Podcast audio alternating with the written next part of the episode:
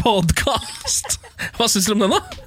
Du skal få for den, Kenny. Jeg prøvde å lage en effekt der ved at jeg først så har jeg mikrofonen langt unna. Ikke Ja, sant? Så nå setter jeg, setter jeg mikrofonen langt der borte, så begynner jeg her. Podkast! jeg, jeg så hva du gjorde første gang. Ja, Ja, Ja. Jeg tenkte jeg skulle beskrive det for podkastlytterne. Veldig Airwolf-aktig. Ja, for det høres ut som et helikopter. Ja, ja jeg hørte liksom I bakgrunnen der. Ja, For de som uh, ikke fikk med seg Airwolf, så var det da et uh, action-TV-drama som gikk på 80-tallet, litt på 90-tallet også om en fyr som var veldig god til å kjøre helikopter. Ja. Ja. Helikopteret het Airwolf, eller var det han som het Airwolf? Nei, helikopteret het Airwolf. Ja. Ja. For det var jo det er rart, på den tida der så var det uh, serier var delt inn i to klasser. Enten så var det et eller annet dyr som reddet folk. Det kunne være en hund, Ja. det kunne være en delfin, eller det kunne være en kenguru. Ja. Det er jo da Flipper, Skippy og Lasse det snakkes om. ja, og Rex, politihunden. Å ja, han glemte jeg. Og så heller så kunne det være at du hadde et eller annet eh, et framkomstmiddel som hjalp deg å redde folk. Det kunne være en båt, Magnum, eller det kunne være nei, eller en bil. Var det Magnum? Ja, nei, Det er jo The Night Rider med David Hasselhoff. Det er Night Eh, Rider, eller det kunne være en kassebil, A-Team, eller det Ja. kunne være et helikopter, Airwolf. Det Ja. var liksom, enten hadde du et kjøretøy, eller så hadde du et dyr. Ja. Redde folk skulle de. Ja, I dag har vi ingenting. Nei, nei, vi har ikke det. Vi, har ikke det. Ehm, vi pleier jo å like å dele noe som er eksklusivt i podkasten. Og det er ikke noe vi blir enige om på forhånd. Det er liksom noe vi, nå begynner folk å se det kverner i hodet på Samantha eh, og Siri. Jeg prøver også å tenke, er det noe Jeg har jo gitt ut PIN-kodene mine Jeg syns egentlig Oi. at det er din tur, Ken, fordi uh, Siri delte en rasshistorie. Ikke, Den var ikke dårlig, men det var en historie om rass. Om rumpe. Så Ja, den, det- den var veldig god. Ja, den var veldig god, og jeg har fortalt om diverse litt krangling med Emil. Ja. Det er din tur i dag, altså. Det nærmeste jeg kommer av ting som, jeg, som er litt privat, som jeg ikke har delt her, er at jeg mm, eh, ja, Her en morgen, eh, før jeg skulle på jobb, så våkna jeg eh, av at jeg har glemt å ta ned parasollen min eh, på balkongen, Ja. og at det blåste noe voldsomt. Så den hadde vrengt seg og var på en måte på vei ut fra balkongen i sjette etasje. ja. Eh, dette rabalderet hører jeg idet jeg våkner litt før eh, klokka skal ringe. Så våkner jeg at jeg bare hører at det blaffer, det er helt kaos utpå ut på der. um, og jeg, Nå kommer det noe annet som for så vidt er privat, men jeg sover naken. Jeg liker ikke å ha på det var- det var det mest eksklusive du har verken privat eller personlig. Jeg ramla helt. Du ramla. Nakengreiene, jeg er på. Jeg er Ja, på, ja, fortsatt. ja, for det som skjedde var at jeg da måtte bare løpe ut. Jeg rakk ikke å ta på meg klær. Nei. Så jeg sto naken ute på min egen balkong uh, og fikla med denne parasollen. Det gikk ganske fort. Ja. uh, så det var ikke lenge jeg sto der naken. Men jeg, og det er jo sånn fem på morgenen, så det er ikke så veldig mange som ser meg heller. Nei. Og hvis noen hadde sett meg, så tror jeg folk bare tenker ja, han er full, det er lov. Uh, det, er, det er midt på natta, på en måte. Eller så, for hva vi vet, så sitter det noen i et eh, morgenprogram et annet sted i dette landet og forteller den gode historien om da de våknet i dag morges og så en naken mann som sto og danset lambada med en eh, parasoll på verandaen sin. Det kan også hende. Det kan også Jeg hende. syns det var en veldig god historie. Ja, takk for det, Ja, takk for det var det. Ja, takk for det. Den kan folk ta med seg inn i helgen. Ja, Tenk. Fortell den eh, gjerne videre. Du kan godt bytte ut navnet. Du trenger ikke å si at det var meg, si at det var deg. Ja. Da er det en mye bedre historie. Ja. Eh, I dag i podkasten er det stappa fullt, fordi det var så mye som skjedde i sendinga i dag. Matoma er innom. eh, Superstjerne-DJ-en Matoma. Yeah. Uh, Sigrid Bonde Tusvik er jo gjesteprogramleder. Eh, Vegard Tryggeseid var her. Vegard Tryggeseid altså Det er bare, det er helt vilt. Ja. Vi har ikke vært aleine i dag. Nei, det har vi ikke. Så det er bare å kose seg. Morgen på Radio 1. God morgen til alle som har stått opp og allerede har satt i gang denne fredagen. God fredag. Send oss gjerne en SMS på eh, Ikke en SMS, gå inn på Facebook. Send oss en melding der, det er mye lettere. Eh, Radio1.no er det vi heter der inne. Gjør sånn som Tommy, for eksempel, som har våkna opp og sier god morgen. God morgen, Tommy. God morgen, Tommy. God morgen, Samantha. God morgen, Ken. Holdt jeg på å glemme navnet ditt. God morgen til dere alle, Oi. Sier jeg. Ikke, nå sendte du meg et forferdelig blikk, Ken. Akkurat som om jeg hadde kuppa hele skiten. Jeg bare blir litt sjokkert av å høre stemmen din eh, for første gang i dag. Fordi i dag syns jeg den var litt eh, jeg- Du, du føl, um, det, føltes, ja, det føltes som det var så langt mellom oss. Oh, ja. Selv om vi sitter rett ved siden av hverandre. Nei, Jeg ligger kanskje litt eh, nede med stemmen. Det er fordi jeg for første gang denne uken har klart det jeg vanligvis alltid klarer, nemlig å sove på toget. Å, det er deilig. Så jeg har eh, på en Så måte er egentlig stått opp for åtte minutter siden. Ja, ikke sant? Så For det er- andre gang i dag. Ja, Det er rart, det der, for man skulle jo tenke det at jo mer søvn, jo mer uthvilt, men sånn er det ikke alltid. Nei, den der lille runden med ekstra søvn er ikke alltid så lurt. Men det er, det er veldig deilig, Ja, da. det er veldig deilig. Ja. Hvordan er din morgen, Samantha? Jo, Den er helt super, den. Jeg eh, glemte på vei hit at det var fredag, og så kom jeg på det. Og det er jo alltid nydelig. Ai, ai, ai, ai. Det er nesten like bra som når du eh, blir vekket midt på natten, tror du skal opp, men så finner du ut at du fortsatt har noen timer igjen Ja. å sove på. Ah, det er den beste Det er følelsen. litt sånn følelse. Så jeg har det kjempefint, jeg. Det er veldig, veldig, Hva med deg? veldig fint. Jeg har det, har det helt topp, jeg. Ehm, Jeg forsov meg litt i dag, var så vidt jeg rakk å komme hit. Vi vet det. Eh, Dere, dere, dere er klar over det, ja? dere fikk med dere det, dere òg? Ja. hadde en eh, ganske hyggelig taxitur eh, med en, eh, en taxisjåfør som ikke sa et ord på veien ned. Det er det beste jeg vet. Eh, så jeg har det så bra som jeg kan ha så tidlig Ja, på en dag. det er helt nydelig, det. Eh, Det skjer jo ting der ute også i eh, hele Norge. Eh, Hva er det folk er opptatt av rundt omkring i lokalavisen og sånn? Du, ja, lokalavisene? Ja, eller, altså, ja, eller bare egentlig okay. de ulike avisene. Ja, nei, eh, den største lokalavisen vi har, eh, VG, den er jo lokal for eh, landet Norge. Selv om jeg vet at det er enkelte svensker og dansker som sverger til VG som sin avis. Eh, De har et kjempeoppslag av eh, Anne Lindbo. eh, Lindmo, altså ikke Lindbo. eh, Det er jo også en eh, dame. Hun er vel eh, Er det det? Ja, det er hun eh, eh, som tar vare på alle barna, veit dere, som Trond-Viggo Torgersen var før. Hun er slags, en slags barneminister, bare ikke det. Å ja! Jeg husker ikke hva det heter. Ok, ok, ok. Nok om henne. Anne Lindmo, 48 år, eh, går ut i VG i dag og forteller oss hvordan hun holder liv i kjærligheten. Hun har jo vært eh, sammen med sin Hasse i veldig veldig mange år, og det Ja. går jo da eh, forrykende godt. Helt strålende, sikkert. Ja. Men eh, kanskje mm, mer viktig vil jeg si at Federlandsvennen har en sak på sin forside hvor det står at Agder må ta tak i negative holdninger. Det er en helt fersk undersøkelse om levekår blant lesbiske, homofile, bifile og transpersoner på Sørlandet, og det kommer fram eh, at både psykisk helse, trakassering og selvmordsforsøk er helt vanlig, og Agder skiller seg altså betraktelig fra ja. resten av landet. Det at Sørlandet må ta tak i et sånt problem, det, det, de henger litt etter hvis de ikke har skjønt det by now. Men det er Ja. fint at de har slått opp på forsiden sin. Avisa Nordland eh, har eh, bilde av en sprek dame i Swix-trøye på forsida. På forsiden 'Halvmaraton venter på oldemor'. Perny Moen, 79 fra Fauske, er sprekere enn de fleste andre oldemødre. Lørdag skal hun løpe halvmaraton under Bodø Run Festival. Aha. Perny? Perny? Vet du hvorfor du bet deg merke den eh, nyheten der, Samantha Det er ikke fordi hun har på seg Swix-trøye. For den trøya har du, helt lik. Nei, jeg har ikke det. Jo, jeg Jeg ønsker meg den med eh, sånn derre eh, Sånn Jeg har glidelås. bilder av deg på telefonen min At du står og danser i den trøya der på, eh, i Hemsedal. Eh, det er den nye versjonen, men takk, Siri. Takk, takk, takk, takk. Akershus Amtstidene, eh, en eh, lokalavis for eh, Frogn og Nesodden, som det står her. Der skriver de at Torils nyre er 99. Eh, og det er da Toril på 70 som har en nyre som nå er 99 år gammel, fordi hun da fikk nyren til faren sin en gang i tiden. Ja. Eh, så hun fyller tydeligvis 70, mens nyra blir 99 år gammel. Det er jo litt dårlig, det da. Jeg tror vi sier gratulerer til begge to, jeg. noe, noe annet ville føltes helt totalt feil, eh, føler jeg. Åh, nei, oh, dette var deilig. Klassekampen har jo 'Folket sier nei til mobil', overveldende flertall for nasjonalt eh, mobilforbud. Eh, dette er jo da snakk om i norsk skole, da. Ja. Eh, for jeg har egentlig ikke skjønt hvorfor ikke man har det fra før. Men Nei. nå er det jo lenge siden jeg har gått på skole, da. Ja, Men eh, det virker jo ikke som eh, den folkeavstemningen kommer til å ha noe å si, egentlig, for eh, selve forbudet. Jeg tror ikke det kommer til å skje. Både lærere og flere politikere er mot det, så vi får se. ja, det vil kanskje føles for uh, Altså Nå har vi på en måte blitt så knytta til telefonen vår, både vi som er litt eldre eh, og de som går på skolen, at det kanskje rett og slett føles for unaturlig. Ja, kanskje det. At det er liksom Det, er, eh, det blir som at det ikke er lov å gå med armbåndsur. Skjønner du hva jeg mener? Ja. Det blir, eh, blir sikkert litt for Eller at Toril 70 må kvitte seg med sin nyre, som er 99. Ja, ikke sant? Mm.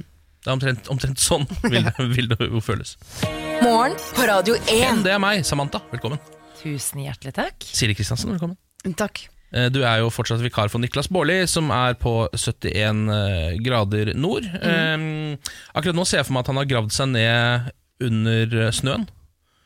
Eh, kanskje til og med også lagt seg inn i et slags sånn rådyrkadaver for å holde varmen. Oh, så det er snø, ja. Ja. Ja, jeg ser for meg at han, Ja, er, et sted, han er et sted hvor det er snø, Ja, hvor han har gravd seg ned. Altså Han er såpass Ja. nærme 71 grader, da, kan man si. Og du tror det tror jeg er over på noen dager, ja, Ja, ja, ja, ja, hele ja, ja, reisen. Altså, ja.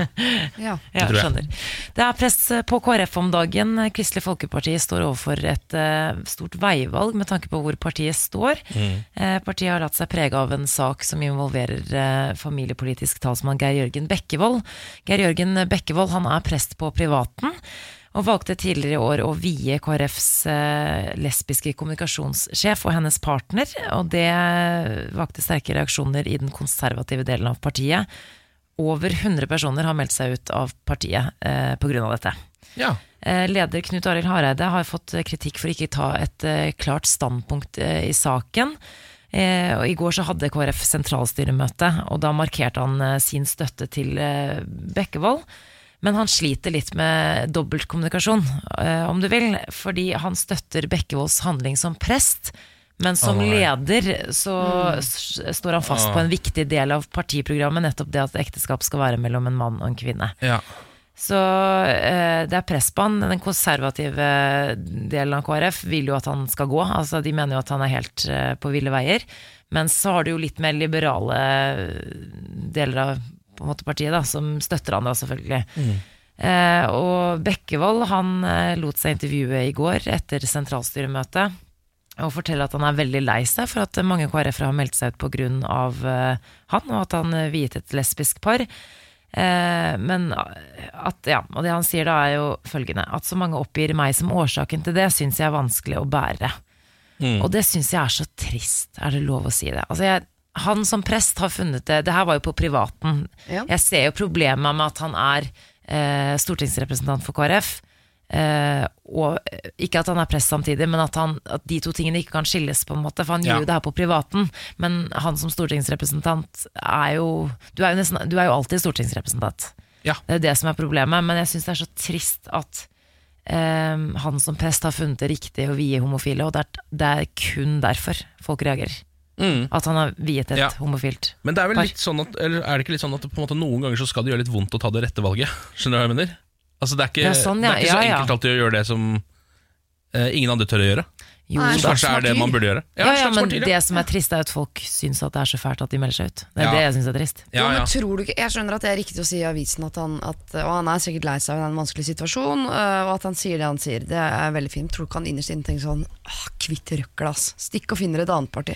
Ja. Og sånn, ja. Du kan ikke stå opp i samme båt som meg og mene de greiene der. Da Ja. får, gå Stikk og finn et annet parti. Jo, for jeg, tror han, han jeg tror ikke han angrer heller. Han han ville gjort det igjen, tror jeg. Ja, jeg syns han skal gjøre det igjen også. Ja. Selv om du representerer partiet ditt 24 timer i døgnet, så er man jo klar over at innad i et parti så er det forskjellige meninger. Det er ikke Ja. sånn at du gir opp dine egne meninger. Nei. I hvert fall ikke på privaten. Nei, jeg er helt enig. Og noen ganger, og så tenker jeg også sånn Hvis du begynner å kjenne at det du mener går helt på tvers av det partiet, så kan det være noe gærent i det partiet også. Mm. Ja, Kan jo spørre seg Kanskje han skulle valgt seg et annet parti. Ja. Men nå har han ikke gjort det, og det er det fint at de Ja, andre det er gjør det. det. Ja. Ja, da er det fint at de andre gjør det. Da koser alle seg, da. Oh, jeg eh, tok et valg eh, for noen år siden i livet mitt eh, selv. eh, På privaten. Dette er ikke noe jeg driver med profesjonelt. Fordi tidligere, dette kan dere sikkert sende dere igjen, eh, regner med at det er mange som er enig med meg, at det kan være eh, flaut å gå og spise alene på restaurant. Det er flaut å gå på kino alene. En del ting som eh, Jeg husker i hvert fall som ungdom og sånn. Jeg kunne være så sulten at jeg holdt på å dø, men å gå og, jeg kunne gå og kjøpe mat, men å sette meg ned et sted og spise mat i frykt for å bli observert av kanskje de kuleste gutta i niende, sittende alene og spise, Ja. jeg ville heller dø. Ja. Eh, og så har jeg blitt mer og mer glad etter hvert som jeg har blitt eldre. Det henger antageligvis sammen med alderen, Det henger også sammen med at vi har fått flere kafeer. Vi sitter mer stille. Alle har blitt mer vant til å bare sitte med telefonen sin og ete, liksom. Men i går tok jeg det til nye høyder eh, da jeg eh, satte meg ned på en restaurant. Rundt meg på alle de andre bordene var det to og to som var på dates og den slags. Og jeg satt uh, alene, og vanligvis da tar jeg fort opp mobilen og tenker sånn, jeg må i hvert fall late som jeg er på jobb eller noe.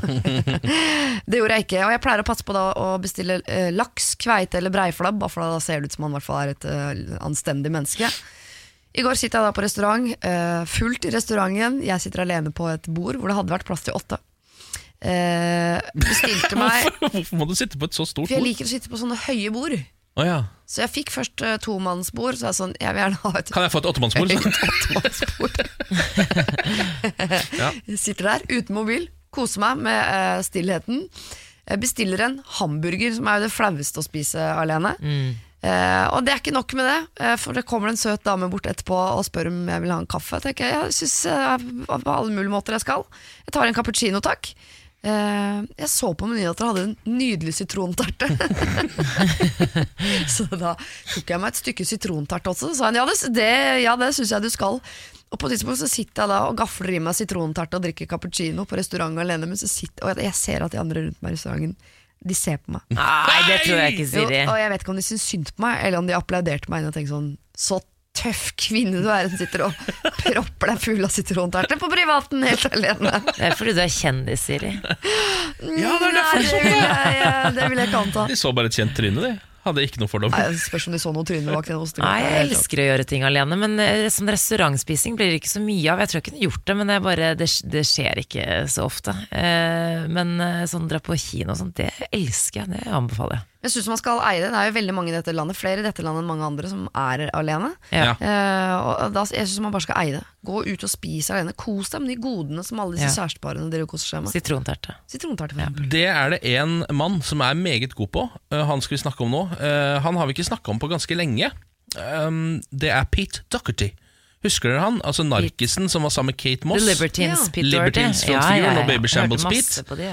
Eh, ja, veldig fint. Det var jo et veldig fint band. Eh, nå har eh, Pete blitt observert mens han sitter tilsynelatende helt alene Og spiser sitronterte. på en kafé eh, i London, mens han dunker innpå det som de mener må være den sykeste frokosten noensinne. Det er det denne saken går ut på. Eh, det, er, han, han, eh, det er et fint bilde av han, hvor han sitter litt sånn slanty-eyed, som de kaller det. Altså, han har litt sånn skeive øyne. Han ser jo alt altså, Han er jo tidligere narkis, uh, Pete Docherty. Eh, Stryk tidligere. ja, ja, jeg tipper han fortsatt er litt narkis, jeg. Ehm, og der sitter han og dunker innpå altså, Han spiser fire baconstriper, fire egg, uh, fire pølser, hash browns, onion rings, uh, bønner, to uh, brødskiver med veldig tykt brød og en quarter pounder og chips. Er ikke standard uh, English breakfast. Det verste er at det er nesten det. Siri, du trenger ikke å dårlig Hør på han her, da. Det- Du har jo sitronterta di. Ja, men Jeg må ikke ned på Pete Doherty-nivå før Nei. jeg kan skamme meg, liksom. Og det kom i hvert fall, altså, det kom i hvert fall ikke i The Mirror da du satt og spiste terte. Det gjør det når Pete sitter alene på kafé. Ja. Det er nesten verre, det. altså nesten verre. Lykke, god bedring, Ja, Pete. god, bed god bedring, Pete. Dette er morgen på Radio 1.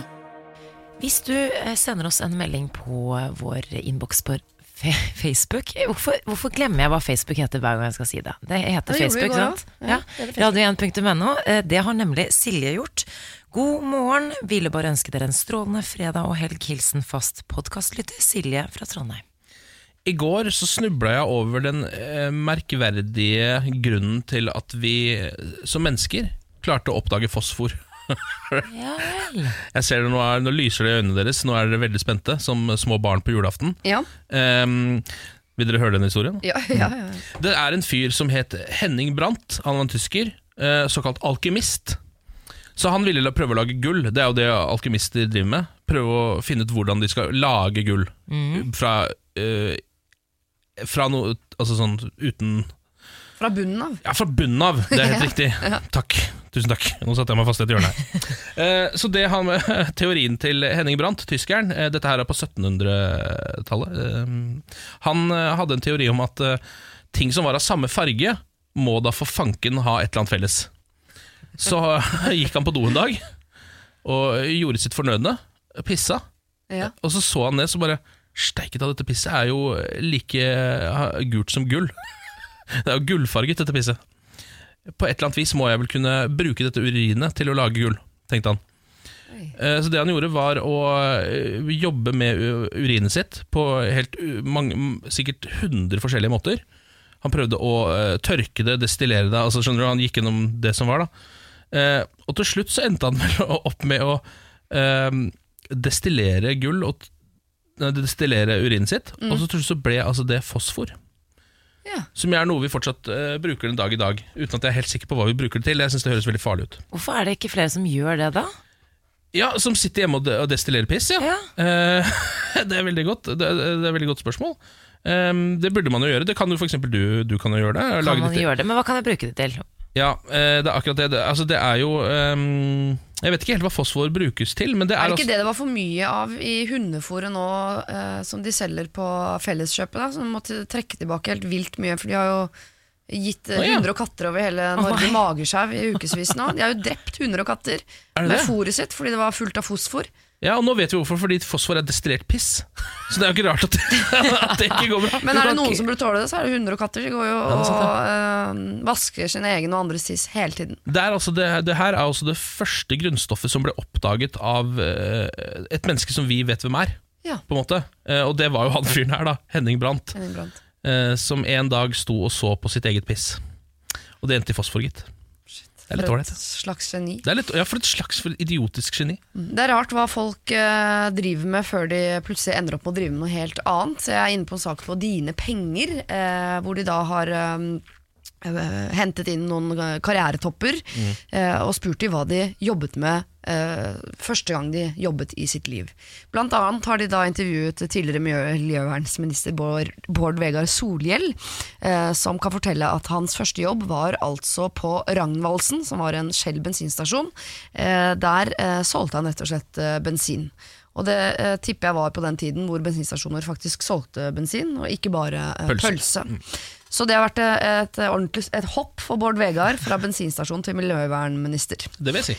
Eh, Det jeg syns er mer oppsiktsvekkende, er Julie Bråttkorp. Husker dere henne? Høyre-Julie. Ja. Ja, Hun var statssekretær og stabssjef ved statsministerens kontor. Nå er hun leder i eh, Norges Banks representskap og i Kringkastingsrådet. Altså hun sitter i masse sånn lederverv.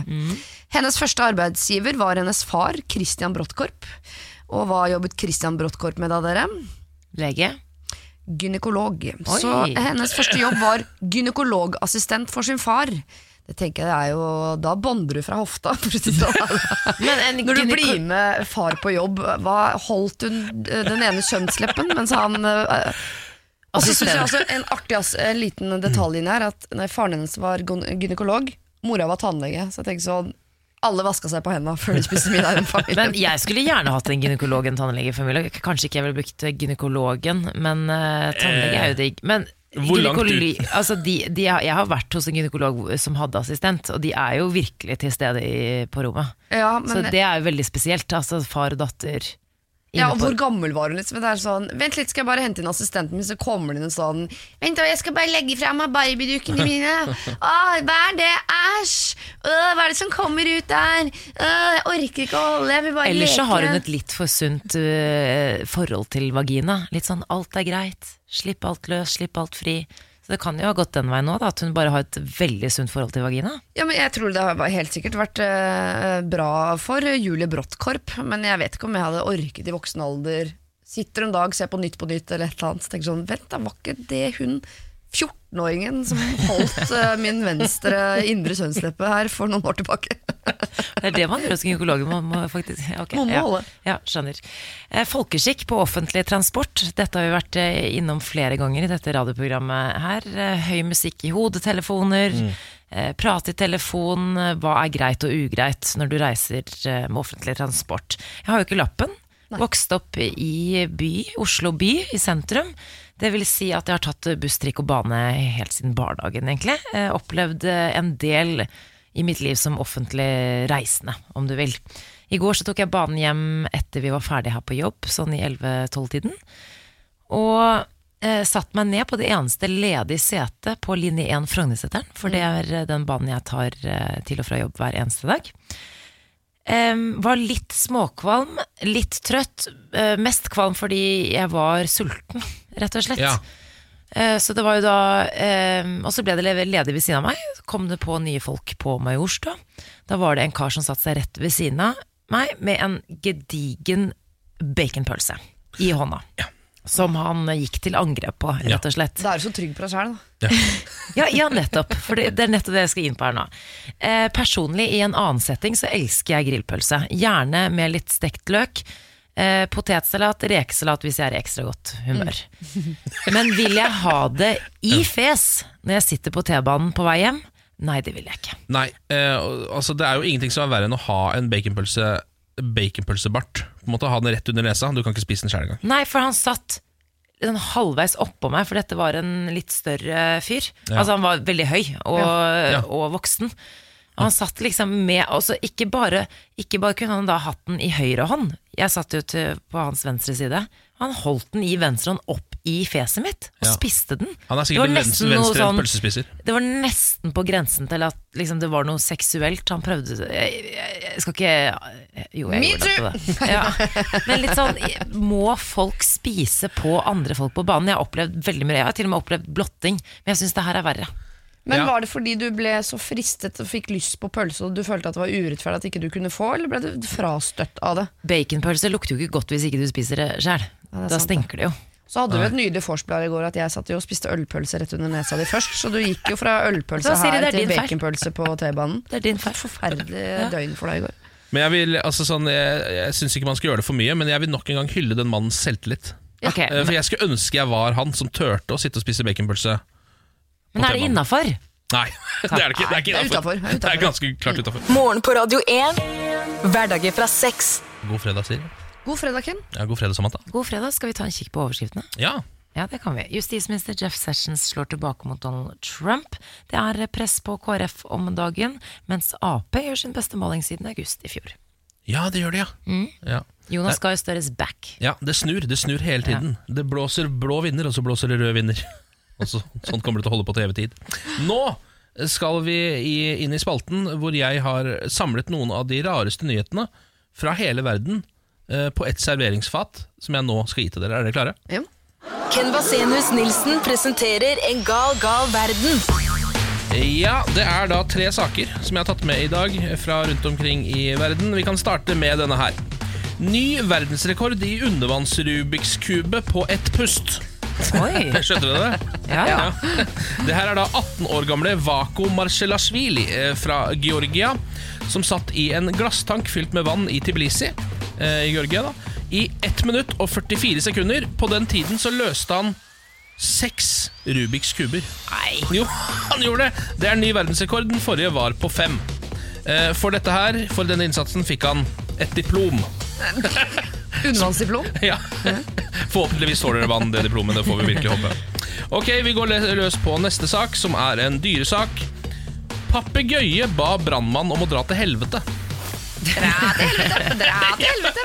Dette her er uh, papegøyen Jesse, eh, som uh, ikke var så veldig fornøyd da den satte seg fast på et tak i London for et par uker siden.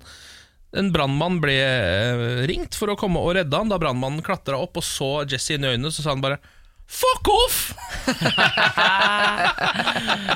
Brannmannen eh, tok ikke de instruksjonene, tok heller med seg papegøyen og gikk ned, så alt endte bra. Ja, det var raust. Og så en eh, aller siste sak som eh, her syns jeg er ganske ålreit sak. Batman stoppet av politiet for råkjøring med Batmobil. Han fins! Ja, Jeg visste det. han er der ute. Eh, han virker ikke så trygg som han kanskje Eller så, så trygg og god som han kanskje skulle håpe. Dette her er i Canada, av alle ikke så bisarre steder.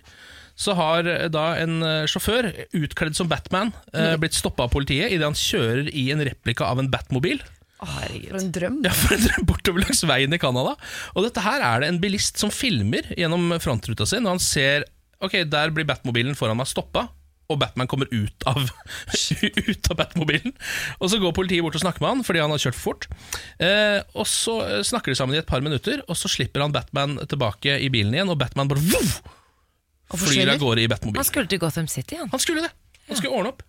Det var nye The Joker og Penguin hadde noen uh, nye greier på gang. Det er helt utrolig. Altså, øh, siden jeg var barn, har jeg drømt om å eie Batmobilen. For Hva slags bil ønsker du deg, da? Ja, Batmobilen. Batmobil. Det er den kuleste bilen. Det er ikke noe vits å diskutere. Og, men det er noen som har liksom satt det ut i livet, har bygd sin egen Batmobil. Ja. Da må det være nesten lov til å kjøre for fort, tenker jeg. Vet du hva, det er jeg enig i. Hva er vitsen med han jo ikke øh, cruise rundt uh, 30 i Batmobil? Ja, hvis du har Batmobil og har på deg Batman-drakta, da er det lov å råkjøre, er det ikke det? Jo, det, jeg syns faktisk det. Men de slapp han, ikke sant? Ja. Han fikk jo lov til å kjøre. Ja, fikk lov å kjøre vi videre. vet jo ikke hva politiet sa til Batman. Batman. De sa sikkert bare 'kjør videre, Batman'. Ja, ja, ja, det Kjør kan godt hende. Ja. Rå bil du har, ass. High five. Ja. Godspeed, sa de bare. Godspeed Black Knight. Eh, håper får noe opp i dette her. Morgen på Radio 1. Hverdager fra seks.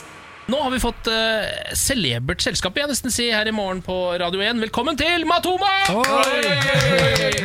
Jeg, jeg syns det er så Jeg synes det først og fremst er veldig trivelig da jeg får denne applausen, men eh, jeg er jo Jeg er bare en vanlig kær fra bygda, jeg, altså. Ja, Du er jo fra Flisa. Ja. 1500 innbyggere er det der. Ja. Og du, he, altså, du blir jo ikke døpt Matoma, eller du heter jo Nei. Strette Lagergren. Er det Ja, ja. du egentlig Ja, jeg heter jo det. det. Det er litt artig, for på Wikipedia så står det Thomas.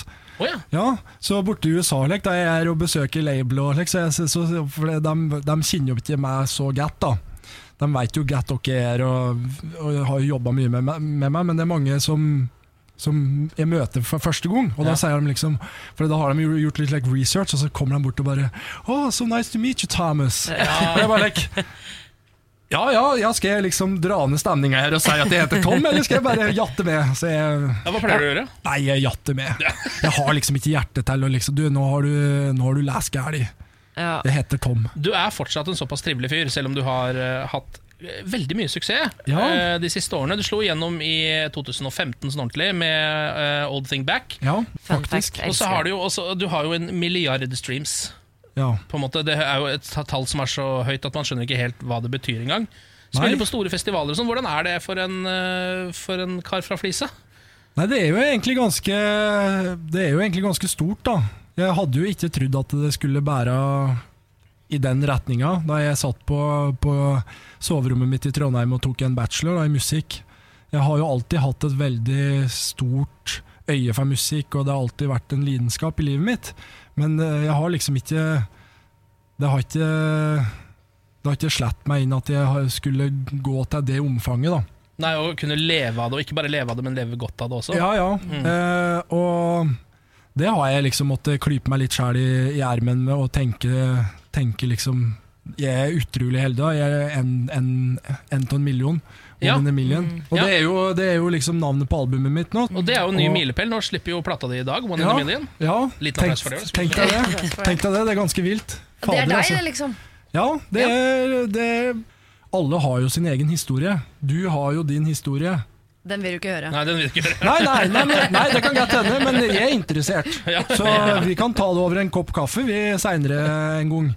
Eh, For det folk er individuelle, og alle har en historie å fortelle. Og alle har noe unikt med seg sjæl som gjør at du er du. Ja.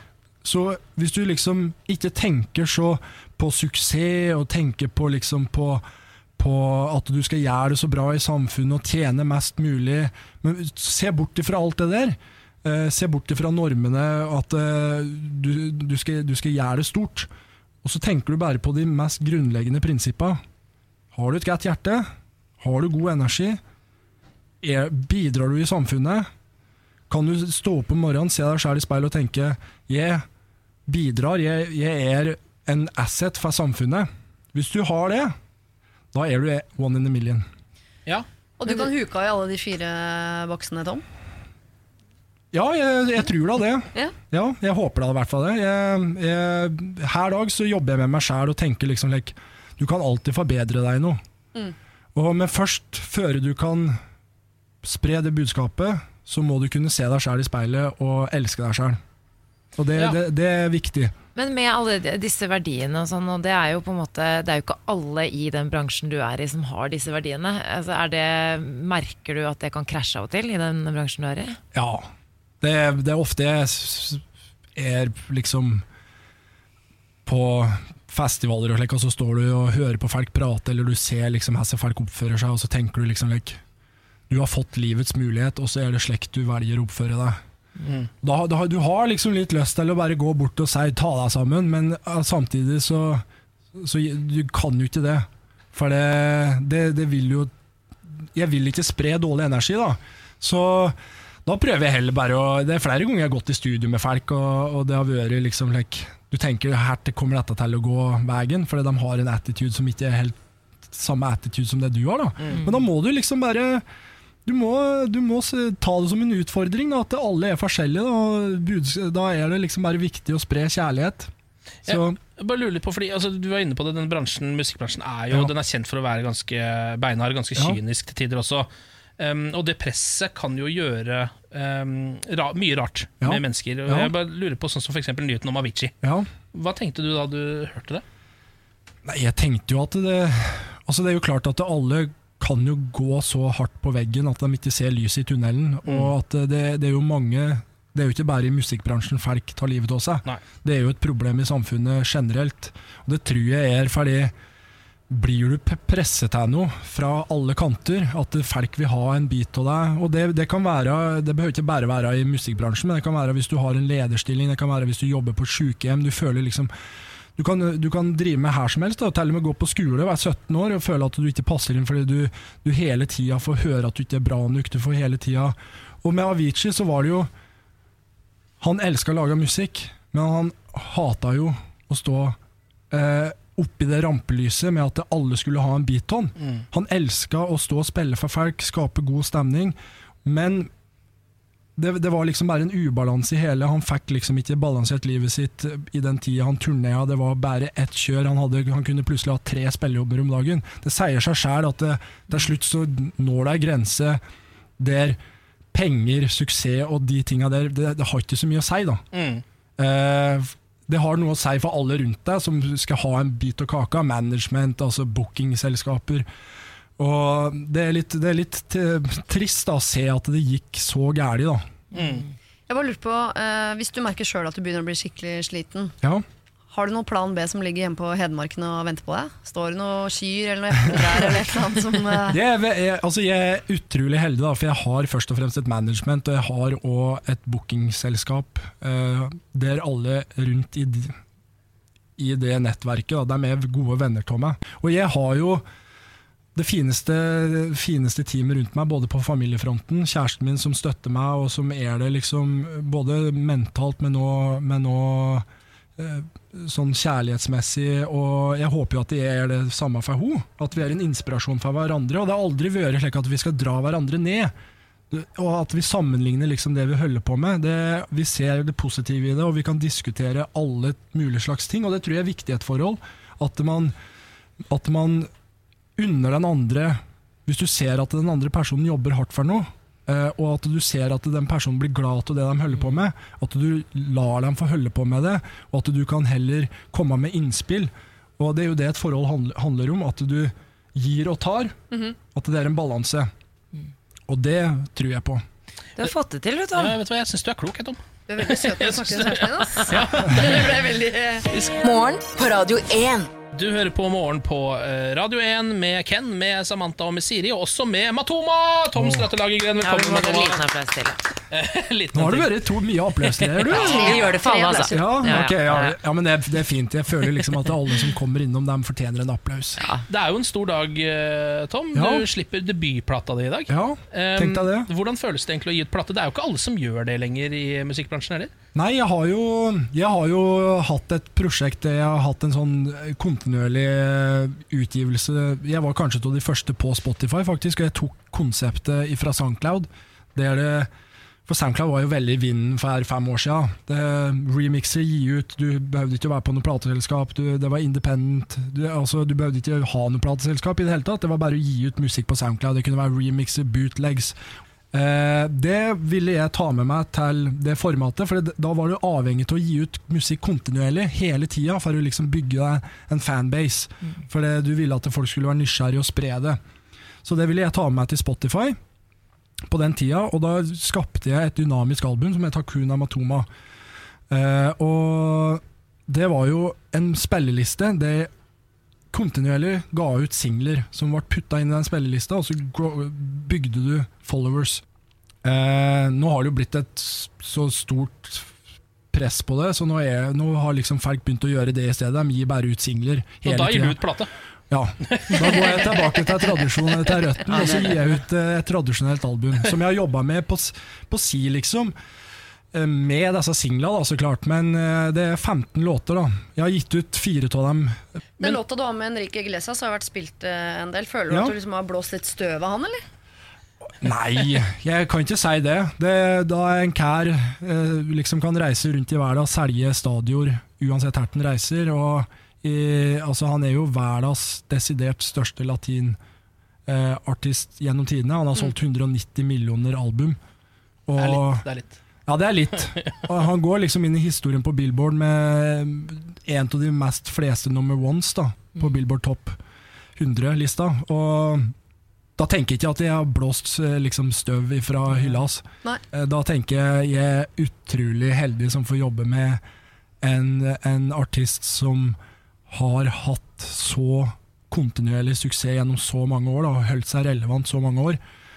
Og Derfor også ville jeg jo jobbe med han, for han var jo jeg, Ja, jeg kan jobbe med yngre artister, jeg kan jobbe med liksom up and coming artister, jeg kan jobbe med Jason Derulo, Jennifer Lopez, jobbe med One Direction, jobbe med uh, Jeg kommer ikke på alle engang, nå i farta. Men uh, han var litt spesielt, for det, han har jeg alltid hatt et forhold til. For det var første remixen jeg gjorde, var Bailando, sånn offisielt, gjennom Iceland Records. Og så Da jeg signerte med Atlantic, så spurte de meg hvem på bucketlista di hadde du, og da nevnte jeg han som en av dem, og så fikk jeg komme i studio med han. Ja, Så det var etter ditt ønske, rett og slett sånn, Ja. denne, eh, jeg vil jobbe med Henrikke, og da Ja. ble det sånn. Ja.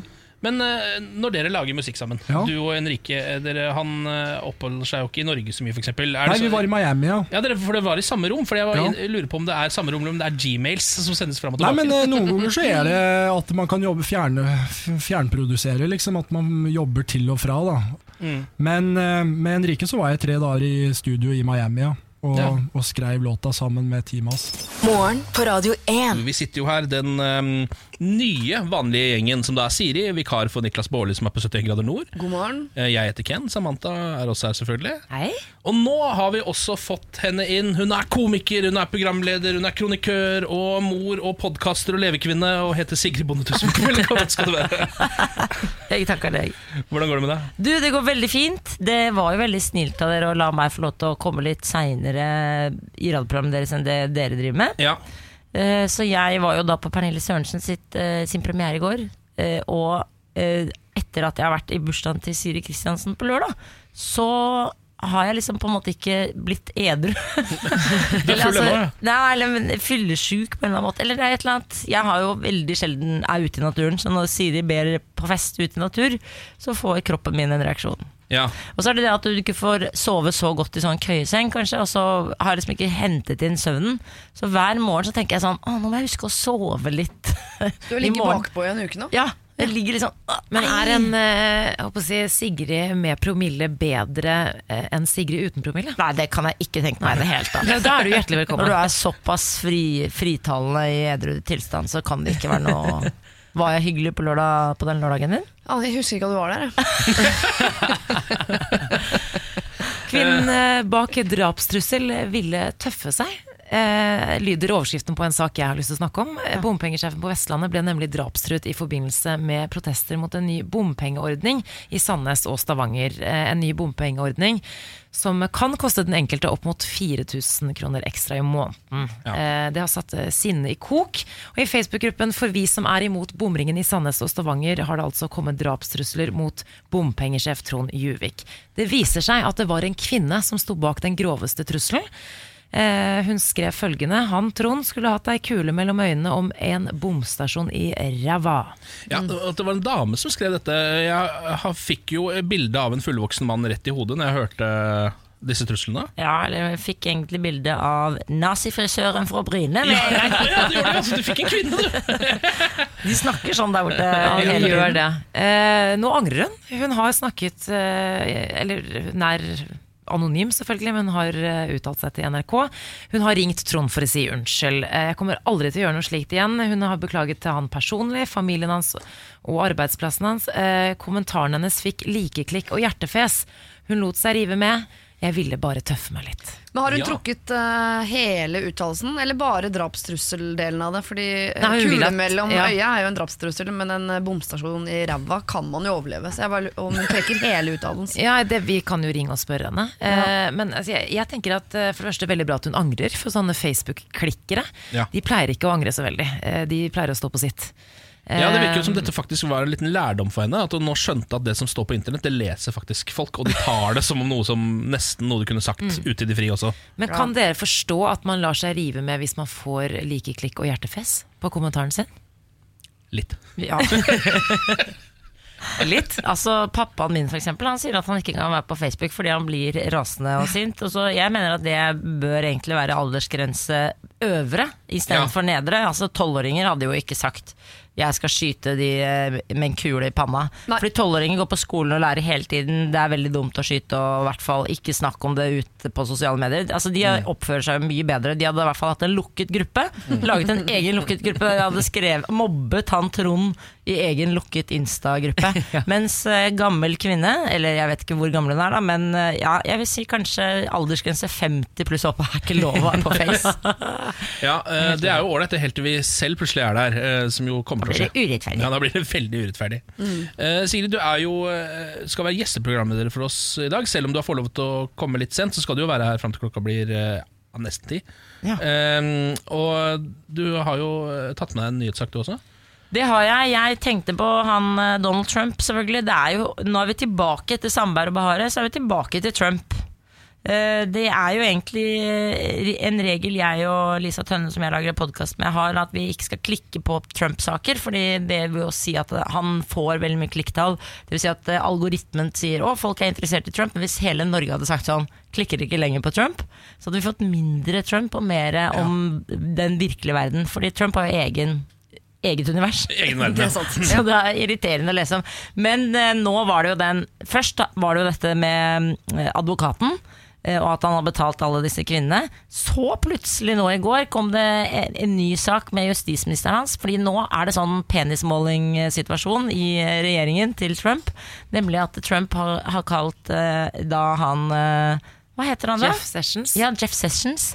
Klarer nesten ikke å si det. Nei, ganske mye- altfor mye S. Alt Ja, altfor mye S for å være justisminister i tillegg. Og så eh, ja, han, har, han er ikke nok mann. Det må man aldri si til menn med makt. Så nå er er han rasende der ute. Har kjefta, sagt 'ingen får lov til å komme inn i mitt departement og, og snakke til meg'. Jeg tror han, han, har, han har blitt kalt idiot. Ja, Trump har jo vært på session Dust. ganske lenge og skjelte han ut flere ganger. Og han har aldri liksom tatt til motmæle, men i går så da hadde han fått nok. Ja. Ja. For han var den første til å liksom heie på Trump. Fikk da pris. Vær så god, du får være justisminister.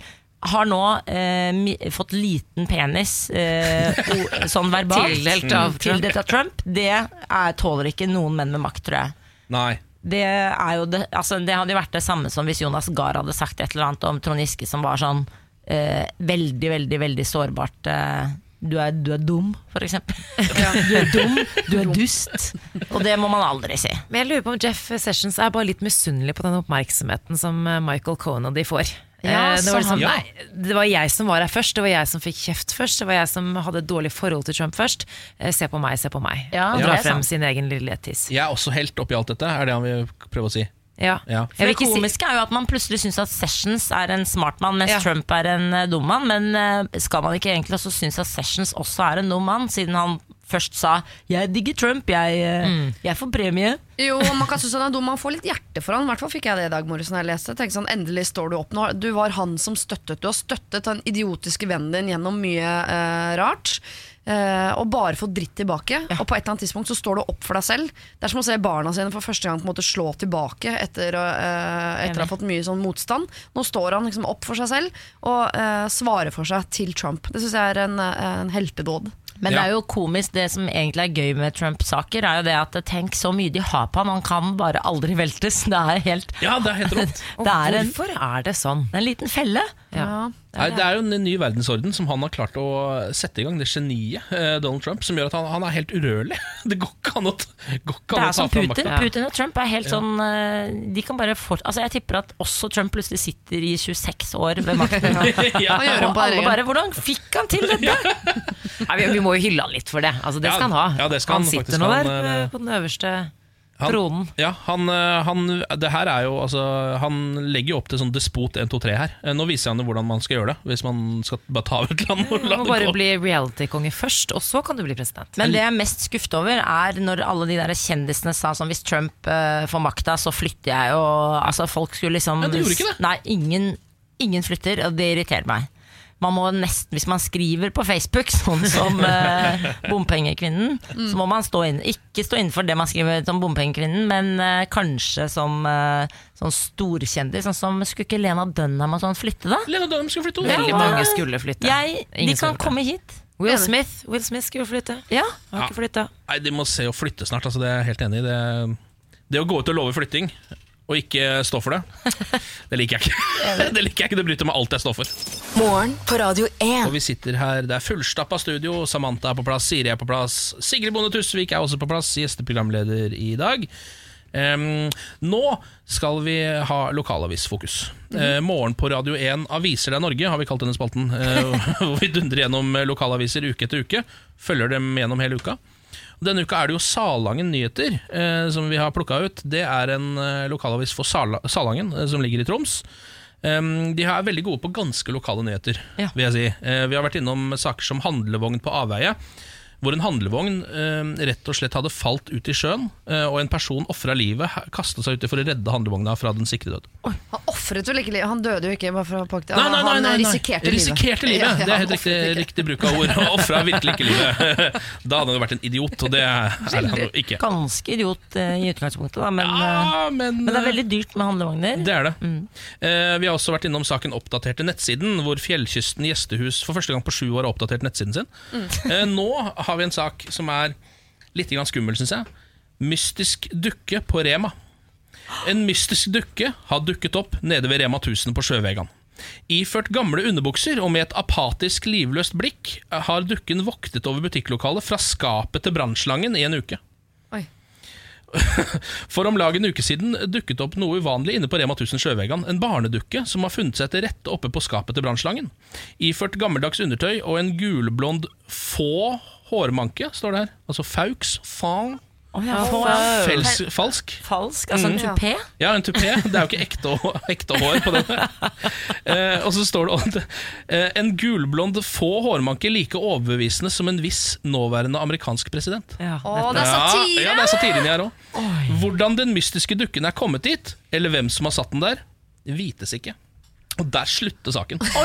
altså, der, Ja, fordi, men da jobber de sikkert videre med oppdatering. Saken oppdateres, sånn Ja. som man gjør hvis det skjer veldig alvorlige ting i verden. Ja, Så sitter jo journalister, i en hel redaksjon, og det koker og ja. de oppdaterer. Du kan klikke 'refresh', og så kommer sikkert nå plutselig Ja, ja, ja, Eller om to uker da kan du trykke refresh. De har satt ned sitt eget lille Woodward and Bernsteins-team Ja. på denne saken, vil jeg tro. Eh, Så vi får håpe at det kommer eh, løpende Men har du bilde av den dokka? Ja, eh, jeg har bilde av den dokka. Er den kjempeskummel? Eh, Nei, den er, altså jeg syns jo gamle barnedokker kan være veldig veldig skumle. Veldig. Den her er ja, Den er ganske skummel. den er ganske skummel, eh, men Kan jeg eh, få titte? Ja, du kan komme bort og se. Der er den. Ja, den er kjempeekkel! Ja! Den er ganske ekkel, faktisk. Den har Donald Trump-sveis. Det er den har litt kvinnelig feminine trekk i fjeset. Altså sånn litt åpen munn. Litt åpen munn, altfor store øyne, altfor stor panne. Hvis man ser eh, serien Sharp Object, Objects, Ja, den serien, ja. så får du litt den følelsen der av den dokka. Ja. Ja. Hva, altså, hva gjør den om natten, lurer jeg på. Jeg tipper den lever om natten. jeg. vil det. det tror jeg ikke Toy du vil Story. vite. eh, At den, uh, fordi- Evil Toy Story. I- Eh, Sigrid, du har jo også um, fått i oppdrag å ta med deg noe fra ditt lokalmiljø. Ja, det var vanskelig. Jeg bor jo på Nordstrand da tolv minutter unna dette studioet her, så det Mm. følte jeg altså, det hadde vært mye lettere hvis Siri som bor i Son kunne tatt ansvar. Ja. Men uh, jeg fikk da den vonde oppgaven, og da prøvde jeg å finne Nordstrandblad. Fant ikke det eh, Altså, jeg kan finne på nett, men jeg ville gjerne ha i papiravis greier. Hva heter det? Materiale. Ja. Utgave. Og så eh, kom Menighetsbladet i går, nemlig, på døra. I postkassa. Det liker jeg så godt når Menighetsbladet kommer. Da kommer pappa og eh, legger det da inn i, eh, på trappa mi, for jeg bor jo sammen med mamma og pappa. De bor i første etasje, jeg bor i andre. Ah. Så da ligger posten klar når jeg kommer hjem. Og da skrev han du har fått et brev, du har fått Menighetsbladet og Dagsavisen. Så da får jeg liksom beskjed hva som ligger hos trappa. Kan jeg gå ned og sjekke om det stemmer. Og si det mangler! Menighetsbladet mangler, men det manglet ikke. Jeg leste hele, tenkte her står det sikkert noe kjempegøy. Var ikke så mye gøy, men jeg kom over en sak som var veldig Eller jeg kosa meg veldig med. Nemlig en da som het Barrat, som da lagde Barrat Due litt senere. Ja, hva Han- er det for noe, Barrat Due? du? Barrat Due er jo der hvor flinkisbarna lærer seg eh, Altså Alexander Rybak er et Ja. Barrat Due-barn. Musikkakademi. Altså, de, de, de som er autister, og som kan spille fele fort, de bør gå der. Ja, ja. Eh, og så er det jo selvfølgelig noen barn som går der som eh, ikke blir så flinke, og de har det ikke noe bra der heller, tror jeg. Så det er, du må være ordentlig genibarn for å ha det gøy på Barrat Due. Ja. Jeg gikk i orkester på Nordstrand med da hele Nordstrand menighet og en del sånn Barrat Due-folk. Og de eh, liksom var for proffe, fordi vi ville jo være sosiale og, og dra på turer og sånn. Er det litt som den X-Men-skolen i X-Men, hvor de eh, med ordentlig bra mutasjoner får lov til å gå? De som kan bli til flammer Ja. og is og sånn? Ja. Men før det så viste det seg at Barrat han var gal. Han, eh, eller ganske gal, han var pinsevenn. Det kaller jeg gal. ja, ja. Og, eh, for han dro til New York, lærte seg pinsemenighet-situasjoner. Dro hjem, var god på å prate, han var vestlending. Og eh, engelsk opprinnelig, så han eh, var loco. eh, Virker det som, da. Og det er jo de som er flinke til å få folk med seg. Eh, dro opp på Nordstrand. Kona hans la merke til en dag at Nordstrand bad hadde brent ned, og det Oi. lå bare masse tømmerstokker som var brent eh, i, nede ved vannkanten. Kjøpte tømmerstokkene for 30 kroner, og resten av vinteren hadde Barrat ved. Så ryktene gikk på Nordstrand at uh, han var så rik og hadde predikert så mye at han til og med hadde kjøpt Nordstrand bad. Skriver no Menighetsbladet som en sånn artig anekdote. Uh, og så skriver de så går det til helvete. Det skriver de faktisk ikke. Nei. Det skriver ikke ja, det ikke. Nei. Nei. Dette gjenforteller jeg ut fra eh, hjernen. Så går det dårlig med Barat. Han, han eh, får illebefinnende på vei ned fra trikken, Ekebergbanen, som han da kalte den trikken på den tida. Eh, og en barmhjertig samaritan følger han hjem til sitt hjem. Og det, det etter det så sant? For da har du ikke hjelp fra oven, mener jeg. da Hvis du er pinsevenn og egentlig har ordentlig kontakt med Gud, det har jo pinsevennene, Ja. mener de, de er veldig glad i Gud og Jesus, så eh, mister han liksom litt av grepet. Blir kanskje litt slapp i leffa, jeg vet da fadder. Eh, og så står det Han gir opp Nordstrand, flytter ned til byen og starter pinsemenighet nede i Oslo sentrum. Som hørtes ut som han liksom dro langt av gårde. Han, tatt, han dro tolv minutter unna huset sitt og fikk en ny, nytt liv her nede i sentrum. Det var egentlig en lokalnyhet fra Lang lokalnyhet. Beklager denne lange historien. Veldig god historie. Ja, veldig god historie? Veldig lokal og veldig god. Og ikke skyld på meg hvis folk syns dette var en rar historie. Det er en Nordstrand menighet som har eh, skrevet om. Bare at han flytta, tok trikken ned til byen, og etter det så gikk det bare oppover med han. Og hvis eh, Det har jo brent jæskla mye i Norge for tida.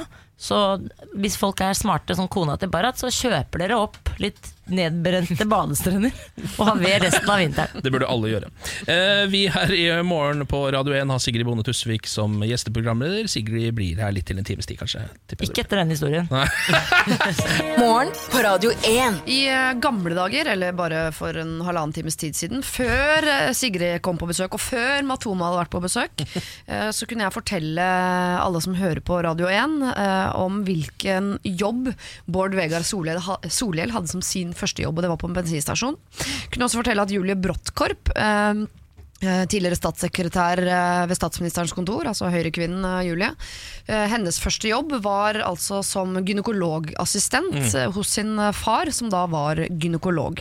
Det var for det meste å svare på telefoner og sette opp timeavtaler, men det krevde også en del menneskelige egenskaper. Og da har jo jeg tenkt meg til at hun antageligvis måtte hjelpe til å holde. Mm.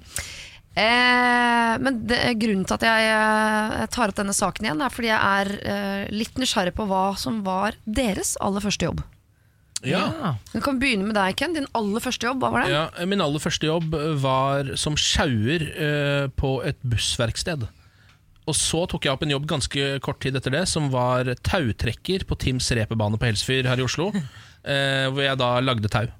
Der holdt jeg faktisk på å dø, fordi tauet tvinna seg rundt armen min på et tidspunkt. Og var på vei Som en inn i- kvelerslange? Nei. Eh, men jeg klarte å trykke på den store røde knappen som betyr stopp, eh, så hele maskineriet stoppa opp. Det høres jo ut som du er vokst opp på 30-tallet med alle disse Ja, sjauer og tautrekk. Altså, Ja, ikke sant? du har opplevd eh, krigen og alt, du. Ja, jeg var der da òg, jeg. Ja. Eh, Jeg har måttet jobbe hardt for pengene. Jeg Jeg var en av de som bygde Norge. Og nesten er døde. stolt av deg. Ofra nesten livet. Ja. Ja. Kan du skjøte tau, lurer jeg på. Eller det heter noe annet. Men uh, Om vi kan skjøte tau? Altså lage Ja. tau? Lage få to tau til å bli, bli Altså flette de sammen igjen. Ja, jeg lærte meg en hel uh, mengde forskjellige knuter. Ja. Blant annet eh, noen sånne skjøteknuter. Så jeg kan noen av de. Jeg vet ikke helt om jeg husker de lenger, men det sitter sikkert in the muscle memory. Som det Det er det. Antageligvis. Samantha, da?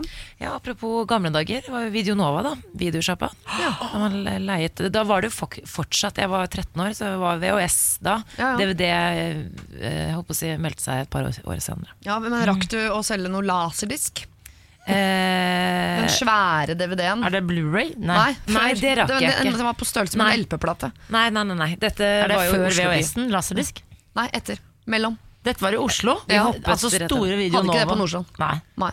Store var Video Nova på Majorstua, eller? Nei, det var den i Oscars gate. Det gata jeg Liten Videonova. Video Nova? Ja, den lille. Hva var din første jobb, Sigrid?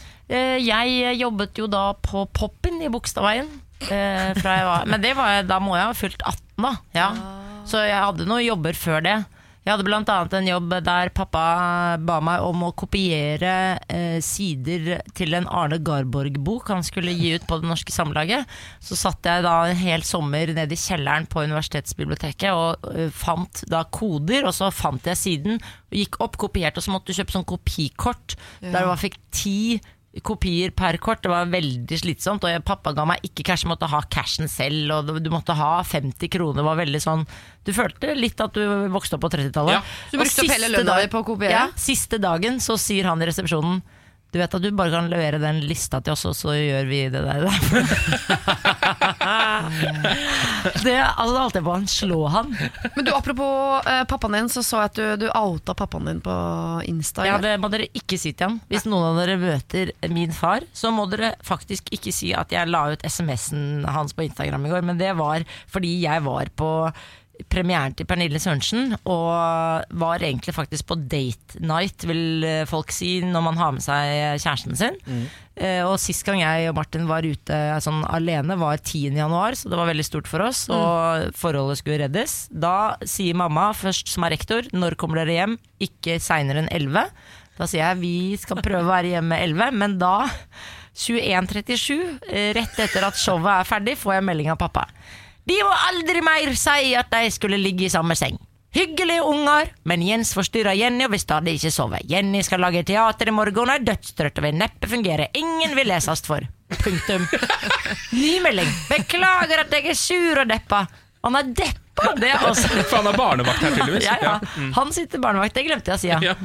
De er jo innimellom veldig søte og flinke til å leke sammen etter at iPad ble borte. Det er stikk til meg. Men helt feil å få Jens til å tro at han kan sove nede, da ødelegger han for begge. Jenny må få ei av de lette og mindre tunge dynene i kjelleren, og slippe å bli kokt i tett pysj. Jeg pleier å roe meg ned ved å tenke på alle som har barnebarn som er syke eller har alvorlige problemer. En liten applaus for pappa.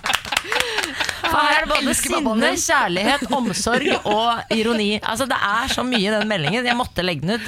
Og eh, han kommer til å bli enda sintere når han hører at jeg har lagt ut denne meldingen. Fordi han kommer til å høre det av slekt eller venner, Ja. og som sier sånn 'ja, jeg så meldingen', og han bare kada, kada, kada, Og så kommer han til å få helt panikk for at hans melding, som var privat, ligger ute. Men vet du hva, Sigrid? Du har snakket så mye om pappaen din i dag at eh, det viser, sier litt om at du er veldig glad i han. tenker Ja, jeg. Du kommer unna med det. Ja. Han ser jo ut som en eh, litteraturens eh, Morten Harket. Han, Han er jo en meget pen eh, eldre herre. Ja, han ser ut som Ivar Aasen, egentlig. Ja. Gravd opp. Nei, det der er vakkert. Det der er. Han hadde i hvert fall mange innspill. Får se hvor mange av de du skal uh, ta med deg videre i livet. Jeg skal i hvert fall gå og hente den der tynne dyna i kjelleren for å få å Ungen din blir kokt. Sigrid. Morgen på Radio 1. Hverdager fra I morgen på Radio 1 med Ken, med Samantha, med Siri og med Sigrid Bonde Tusvik, som er dagens gjesteprogramleder. Hei. Hei. Går det bra med deg nå? Jeg har det veldig fint. Er det deilig å være oppe så tidlig, eller er du vant til det? Ja, altså Jenny våkner jo sju, Ja. så nå var jeg litt før, og da våknet jo alle de før eh, Altså begge ungene våknet da når jeg skulle gå, så jeg prøvde liksom å liste, så hørte jeg sånn Hallo? Ja, da var det kjørt, Ja, da ble det gråting. Jeg måtte bære henne opp til Martin. Og, jeg, og så ble Martin sint fordi de skulle drive med et, et Albert Aaberg eh, ABC-spill. Og så hører jeg Martin si sånn Men fader, da!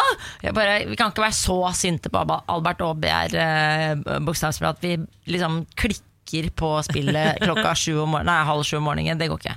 Um, I tillegg til å være mor og komiker og podkaster og alt dette, uh, så er du jo um, ganske sånn samfunnsengasjert. Ja. Uh, det kommer fra levra, som de sier. Det, jeg hisser meg opp. Ja, Og så skriver du eh, kronikk for Dagsavisen. Er det, det er hver fjerde uke? Ja, det er jo pålagt av familien. Ja. Når du lever altså, av noe så dumt som å være komiker, da må du betale tilbake i kronikkform for at, uh, Ja. Far og mor som er akademikere skal takle at jeg De venter jo fremdeles på at jeg skal ta jusutdannelsen min. Ja, ikke ikke fjåse bort livet ditt på punchlines. Men jeg, vil bare, eh, jeg sier meg uenig i at eh, skrive kronikker fra levra. Jeg vil påstå eh, at du bruker hjernen. Ja, det var hyggelig. Ja, det var veldig bra, da. Ja. Var Eh, Nå tenkte vi å sjekke hvor god du egentlig er på dette. Ja. Eh, og om du da klarer å rable sammen eh, en kronikk helt på sparket. Det er det vi skal sjekke nå. Verbal kronikk. Ja, det blir en verbal kronikk. Ja. Du skal slippe å skrive den ned. Okay. Um, temaet på kronikken skal du nå få trekke av denne uh, Egon Olsen-hatten som vi har her. Liten bowlerhatt. Og så um, får du hvor, lang, hvor mange sekunder skal vi gi nå, da? Ti sekunder, liksom? Ti sekunder, ja. Så Må på med en Ja, det er det bare å gå på. Det blir okay. dårlig radio hvis man er ti sekunder stille. Ja, ja, vi klarer sikkert å snakke fra tida. ja. Ok, Da har jeg fått en lapp her, og jeg kjører er på. tema? Sandvika Storsenter reklamerer for skoleveske til 17 000. Skriv en kronikk om temaet! Og da Ni, åtte, Sju, Å, herregud. seks, fem, fire, tre, to, én, go! Da jeg var Jeg Man må alltid begynne med jeg. Ja. Jeg eh, var eh, skolejente under den tiden der det ikke fantes skolevesker eh, til 17 000 kroner eh, i det hele tatt, faktisk. Eh, man må alltid starte sånn med en personlig historie.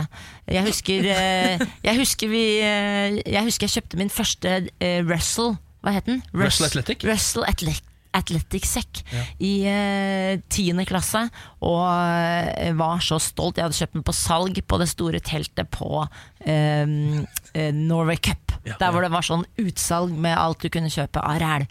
Uh, så leser jeg nå at Sandvika Storsenter Hva leser jeg? Jeg leser at Sandvika Storsenter tilbyr Reklamerer. for skolesekker til 17 000 kroner. Fordi selvfølgelig de skal påpeke at Bærum er rasshøl den dag i dag.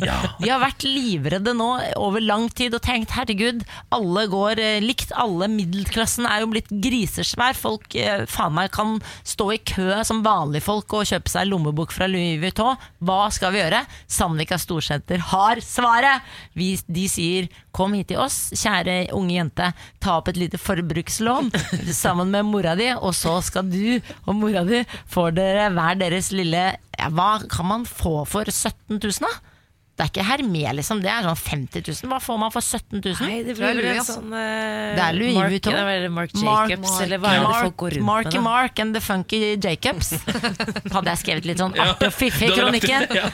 Der jenter med Marky Mark and the Funky Jacobs kan gå rundt uh, i Bærum og uh, rykke inn. For det skal man huske på. Og så går jeg bryter Ja. i kronikken. Det er ikke bare rikmannsfolk i, på, på, i Bærum og Sandvika Storsenter. Det er også mye eh, lavere stående mennesker. det er veldig rart å si det. Altså la, eh, Lavtlønnede mennesker som eh, lar seg lure av Sandvika Storsenter, som også vil være Hva slags press er det dere gir på ungdommen? Har ikke ungdom nok press med å bare våkne og tenke 'jeg vil ha et filter på dette fjeset resten av livet', for fy faen, så stygg jeg er! Punktum! Ah, ja, ja, ja, ja. Ja, det var, vet du hva, det var imponerende. Direkte imponerende. Altså, det var ræl, det var rasshøl, det var, det var mye som gjør en uh, god kronikk. Ja, Og mamma og pappa hadde sagt jeg, jeg, eh, 'ikke helt på høgda', hadde pappa sagt faktisk her. Hva Jeg fikk du? en eh, telefon her nå fra Dagsavisen. Du har sparken. Ah, nei, så deilig. Um, vi pleier jo å runde av når vi har gjesteprogramledere, her, Sigrid, med noe som vi kaller for ta med-dagen. Ja, Uh, og det er at alle som kommer og er gjesteprogramledere, tar med seg en ting uh, som de har lyst til å gi bort til neste gjesteprogramleder. Um, og nå har det hopa seg opp to ting som vi har her. Oi, får jeg to dumme ting? Ja, Du kan velge mellom to ting. Ja. Um, vi har da et uh, brettspill som heter Timeline, som Mikkel Niva har lagt igjen her. Og så har vi stavmikseren til Magnus Devold. Oi, Ehm, Hvorfor vil ikke Magnus Devold ha stavmikseren sin? han syns den er dårlig, han vil ha en bedre en. Han Den har er brukt, med andre ord. Ja, den er brukt, ja. Han har kjøpt en ny en. Denne eh, var det første tingen vi fikk. Den er det ingen som har tatt med seg hjem. Den, har Den vil jeg ha, nemlig. Ja, du vil ha, vil du Ja. ha stavmikser til Magnus Devold? Selvfølgelig vil jeg ha Oi, oi, stavmikseren til Magnus Devold. Kan jeg kjenne på knivbladet bare Ja, ikke f Men altså, dette Jeg, tror, jeg, jeg tipper at den er bra, jeg. Ja. Severin heter den, ja. Nei, ja. Jeg har aldri hørt om merket. Vet du hva, Det, var, det syns jeg var deilig å bli kvitt den Men du, den, eh, den vil jeg ha, fordi det er veldig ofte lurt skjønner du, å ha stavmiksere, altså en bra, men også en dårlig. Hva bruker du den til? Nei, den kan du bruke til da sånn liksom, Du må raske sammen noe som du ikke vil da sette sammen en sånn For jeg har jo sånn, hva heter det eh, Food, blender, eller blender, ja. Blender. Og det er så masete. Det å ha en sånn rask, dårlig stavmikser eh, da på siden, det er ikke så dumt. Det er veldig ålreit, altså. Det er akkurat som når du har brukt oppvaskbørsten lenge, og den har blitt eh, dårlig, så bruker du den til grovvasking av Ja. kjeler, f.eks. Liksom. Ja, da kan du bruke til å, å kappe hasselnøtter. Ja, for eksempel. Du, kan, du er aldri redd for å ødelegge en uh, stavmikser fra Magnus Devold. Nei, det er man ikke. Det er veldig bra. Eh, neste uke så er det Einar Tørnquist som kommer og er gjesteprogramleder. Og han skal få. Hva er, det han, hva er det du har med deg som han kanskje kan velge seg? Han skal få det som jeg har ønsket å bli kvitt i mange år. Det var synd han var mannlig mann, fordi jeg håpte det var kvinne, men han har jo kvinne hjemme. Han skal få disse Denne, hva heter det? Eh, greia man har rundt foten. Eh, s- eh, nei, kavøs. Karasj! Kalosj! Kalosj! Det er for tidlig på morgenen. Kalosj for med høyhælte sko har jeg med. Med Stilettkalosj? stilettkalosj. Der du liksom kan dra ut hælen. Og ikke minst at den er i svart. Altså den er jo lekker, men hvem Siri og Samantha er ikke enig Hvem er det som bruker stilettkalosj?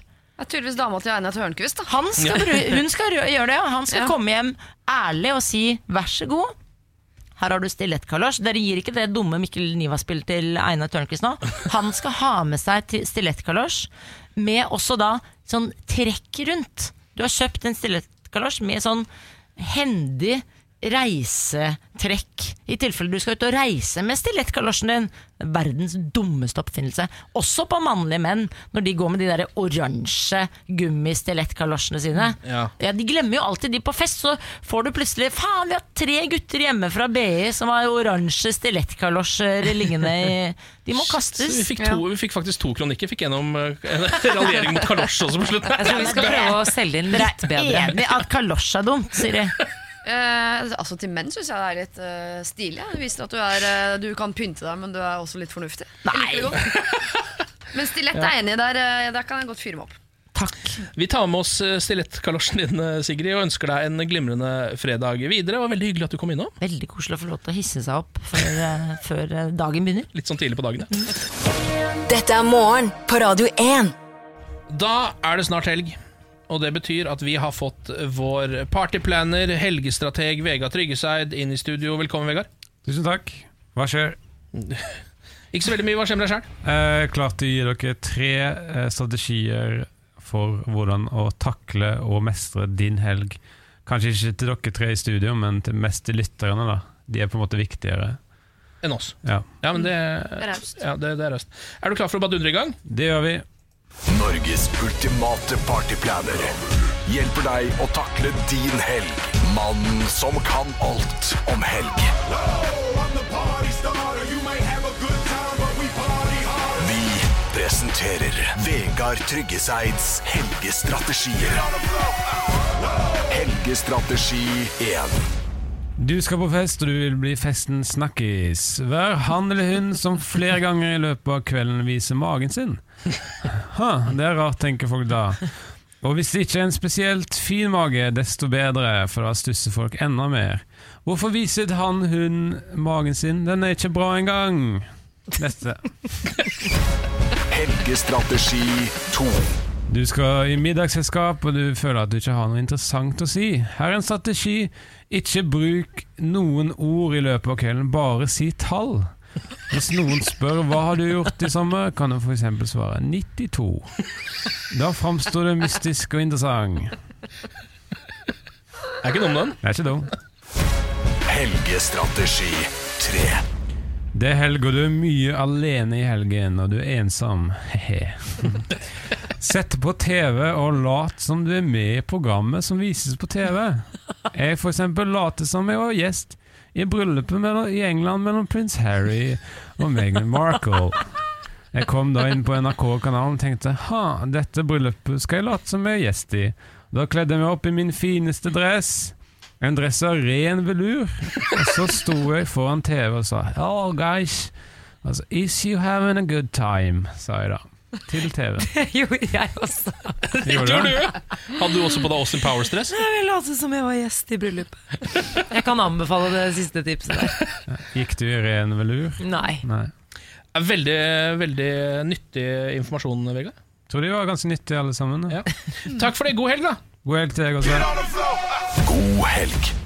Morgen på Radio 1. Samantha og Siri og meg, Ken, og nå også Pernille, som har kommet på jobb. God morgen. Guten morgen. Er det en bra morgen, eller? Det er en eh, bra morgen, og jeg er eh, generelt ganske glad i dag. Fordi at eh, jeg var vitne, eller jeg var egentlig ikke deltaker fordi at jeg var mottakeren, men mottakeren av veldig snille, snilt menneske i går. Du var mottaker av Snilt menneske. Ja, fordi at nå er det jo slutten av sommeren, ikke sant? Vepsene holder på å dø. Ja. Og vepsene da er jo kine på bare å få det unnagjort. De prøver jo liksom assistert selvmord, stikker noen og dør, liksom. Så på bussen i går så var det en veps som fløy oppover vinduet, falt ned, fløy oppover vinduet, kom nærmere og nærmere meg, liksom. Og jeg lå jo, var, var jo litt stressa og hoppet litt nærmere hun som satt ved siden av meg. Og så sitter det en fyr eh, rett over meg som tar opp altså, en konvolutt, stor konvolutt fra sekken og er sånn Her, bruk denne til å drepe den. Så bare sånn Helt uten at jeg hadde sagt noe, så fant han altså noe jeg kunne drepe denne vepsen med. Så da eh, fjernet jeg en veps fra verden, og er ganske fornøyd med egen innsats. Ja, det må jeg si det var litt av en jobb, både deg og den ridderen i rustningen som ga deg sverdet, som gjorde at du kunne utføre det, det drapet. Som Ridderen med Men man setter jo pris på hyggelige folk på offentlig transport. Jeg snakket jo tidligere i dag om at jeg fikk en baconpølse i fes. eh, I fjeset mitt da jeg satt på T-banen i går.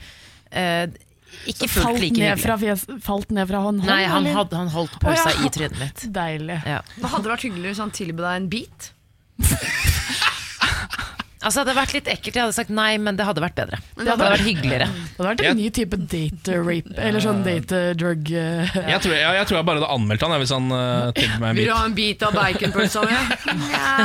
Men det er bra at folk eh, behandler deg godt der ute på uh, gata, Pernille, for du er jo mye der ute. Det stemmer. Eh, Du blir jo sendt ut fra dette studio hver eneste dag for å innhente informasjon om hva det norske folk mener om ting som vi eh, liker å diskutere. Ja. Eh, I går eh, så fikk du oppdraget å sjekke hva folk mener om varm banan. Eh, For det er en diskusjon jeg havna i med en kompis om banansplitt. eh, Der han er veldig for varm banan. eh, Varmebehandla banan. Jeg ikke så for det, lurte på hva som er vanlig der ute. Jeg syns det er gøy, jeg, fordi at eh, dette med varm banan er en eh, varm potet eh, ute i folket. Altså. Er det det, ja? Ja, det er det. Ok, Skal vi høre? Varm banan? Det har jeg ikke prøvd. Kanskje. Jo, det syns jeg er godt. Som banansplitt går jo greit. Det med sjokolade på så er det godt. Det er godt. Ja, fritert banan har jeg spist, og det er nydelig. Ja, det er sjelden jeg har spist. Jeg har spist det på kinarestaurant, og, og det er godt, det altså. Jeg syns det. Det er ikke så godt. No, it just feels wrong. Ikke noe som eh, høres veldig fristende ut. Æsj. Nei, jeg går ikke for varm banan. Nasty. Nei, æsj. Hvem er det som vil ha det? det er varm frukt skal ikke serveres til noen. Altså, jeg hadde ikke valgt det framfor eh, sjokoladekake, f.eks. Og der har vi på en måte svaret. Nei, jeg er litt usikker på hvem du har valgt der. Fordi de, alle de som sa nei, var mest sannsynlig veldig veldig, veldig unge. Så når du sier varm, da, så bare æsj, en banan som er varm. Nei da, men alle de jeg Den karakteren der må du bruke mer, Samantha. Ja, men det er litt sånn, jeg tror ikke de forstår Det er noe som heter bananasplitt. Det ble oppdaget før liksom, Ja. du ble Ja, ja. født. Du har ikke fått Men, med det. men kan vi stoppe litt der? Eh, For jeg lurer på om alle dere har eh, Altså gikk feil vei da vi fikk utdelt kunnskap om dette. For eh, altså Banansplitt har da vitterlig ikke noe varm banan i seg. Det er en kald banan med is. Er det kald banan i den? Va altså Bananasplitt har ingenting med varm banan å gjøre. Jeg har spist uh, banansplitt med varm banan. Altså. Ja, Da har den stått for lenge ute. Oh, ja, okay. Kanskje det var derfor det ikke var noe digg? For en, en banansplitt kan jeg vel alltids gølve, men eh, det er når, det- ting varme, altså når den varmebehandles, det er da problemet dukker opp. For min banan var lun, sånn at isen smelta på en måte over den. Ja, det skal ikke være sånn. Det skal ikke være sånn, nei. Men jeg syns det er veldig gøy at alle de som sa varm banan, det er noe greit. Men, og de prøvde å pimpe bananen opp. For Ja. det var sånn, Med sjokolade så Ja. er det jo greit. Ja. Når den er fritert, så syns jeg det er nydelig. Altså sånn, De prøver å pimpe altså Varm banan i seg selv er Men søppel. hvem er det som serverer varm banan? Det er jo klart du serverer den med andre ting. Det Jeg trodde det var det vi snakket Har om. du ikke? Ja, ja, ja. Du har ikke bare en varm klump med banan, og så serverer du den. Det er det ingen som gjør. Jeg var en gang i middagsselskap med Christian Ringnes. Og da eh, serverte han eh, sin bananasplitt. Og der var det varmebehandlet banan. For det han Ja. gjorde var Han tok en halv banan, la den eh, på tallerkenen som så ut som en, en erigert penis. mm -hmm. og på hver sin side så la han to vaniljeiskuler, sånn at det så ut som testikler. Så kom han med en sånn skjærebrenner, eller hva det er heter. Og så, tror, i enkelte deler av eh, verden er det lov, så varmebehandlet han eh, bananen, sånn at isen ble litt smeltet. Og så skulle han spise det før han fortalte historien om at dette gjorde han alltid på studenthybelen som ung for å sjekke damer. Ah, Mm, og så eh, fikk jeg en liten pose med silkeundertøy, eh, størrelse medium. i Altfor lite. Den historien her går over på noe helt Og da var det varmebehandlet en slags bananasplitt, men den klassiske bananasplitten på restaurant, den er ikke varmebehandlet. Men Christian Ringnes sin banansplitt, den Den er varmebehandlet. Det kan ha vært enda fått Ken. Dere, Jørgen han eh, sjekka jo tempen blant folk i går. Mm. Eh, fordi på vår Insta-story så kommer de også spørsmålene som vi spør folkene om. De kommer til å, å på en måte komme opp der som en slags ja-nei. Og det er eh, 126 som stemmer på ja takk. 207 som stemmer på æsj. Det er nok dommen. Ja, Dommen er at folk er imot varm banan der Ja. ute. Men du, jeg har eh, noe annet jeg har lyst til å ta på med deg, Pernille, som du kanskje kan ta ut til folket. Og det er eh, nemlig morgenrutiner, eh, som vi har pratet litt om her i studio. Vi som eh, står opp litt tidlig, vi har litt, eh, faktisk litt forskjellige rutiner. Jeg må spise før jeg eh, drar hjemmefra. Eh, vi spi jeg spiser jo to frokoster, f.eks. Jeg spiser jo først hjemme, og så med dere. Men det, er det første jeg gjør, er jo å sette på et egg. Ja, Det er det Jeg, for aller første. jeg spiser kokt egg hver eneste dag? Og brødskive. Ja. Eh, hva gjør du, Ken? Det aller første jeg gjør om morgenen, er eh, som regel å urinere. Eh, og så vasker jeg øynene mine, fordi jeg vasker på en måte søvn ut av øynene. Vasker fjeset, og så er jeg i gang. Jeg pleier å lukte på ånden til datteren min, for hun sover veldig ofte oppå meg. Enten fordi hun har gått inn selv, eller fordi jeg har båret henne dit, for det er så koselig. Eh, Og hun, har, altså, hun er utrolig liten og søt, men hun har veldig, veldig dårlig hånde. men jeg koser meg med det. Så jeg liker da? Det vet jeg ikke, men jeg liker å starte dagen med en sånn varm, vond ånde fra et søtt, lite menneske. Jeg har blitt veldig glad i det. Jeg er nesten litt avhengig av det. Det er veldig spesielt. Ja, men Da er det jo bare å ta med seg det ut. da Hva er det første du gjør på morgenen? Eh, sjekk hva, hva som er vanlig der. Og det er Ja.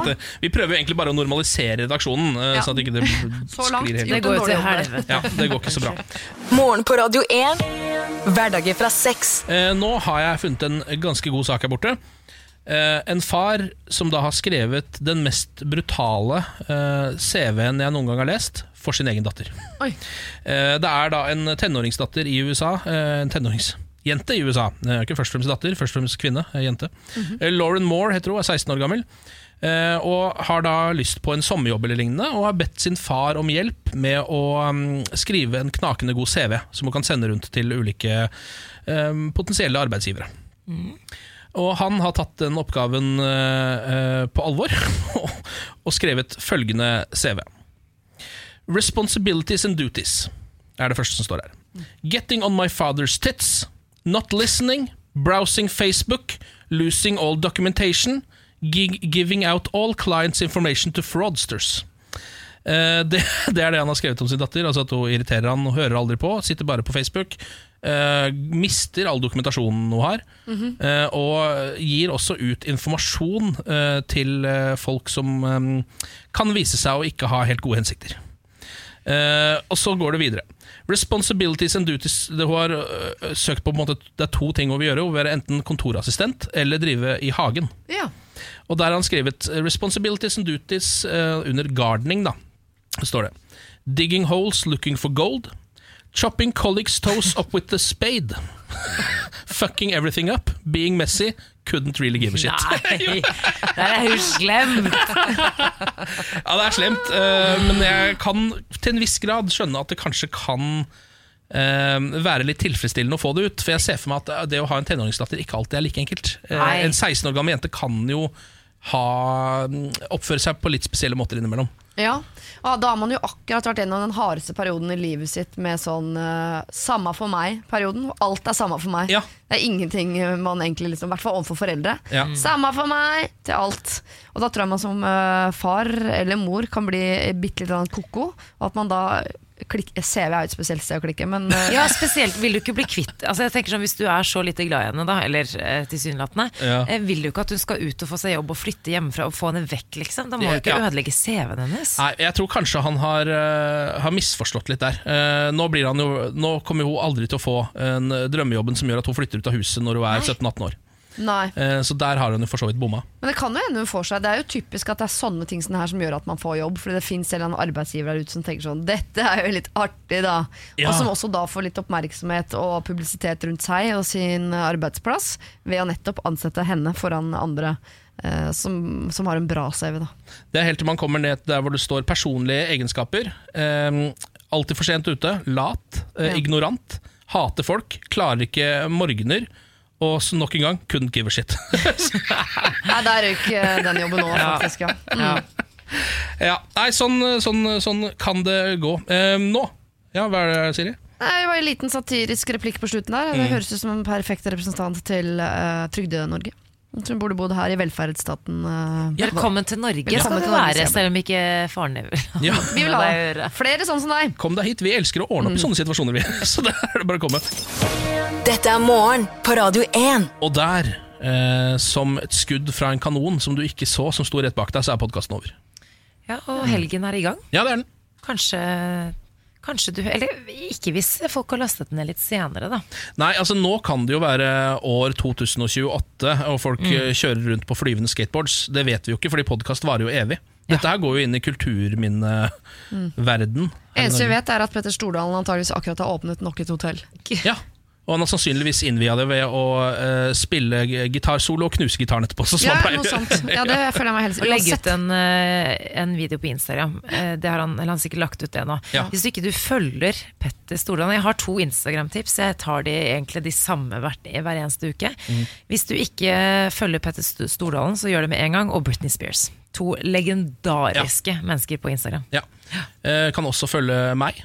Eh, jeg legger ut ting én gang i halvåret, cirka. Hvis det holder for deg, så følger du meg. Hvis ikke, så er er- følger du noen andre. Ålreit, eh, ha det fint resten av denne dagen, uansett hvilket år det måtte være, eh, hvilken måned og hvordan været er. Vi snakkes nok senere på et tidspunkt. Hei, hei.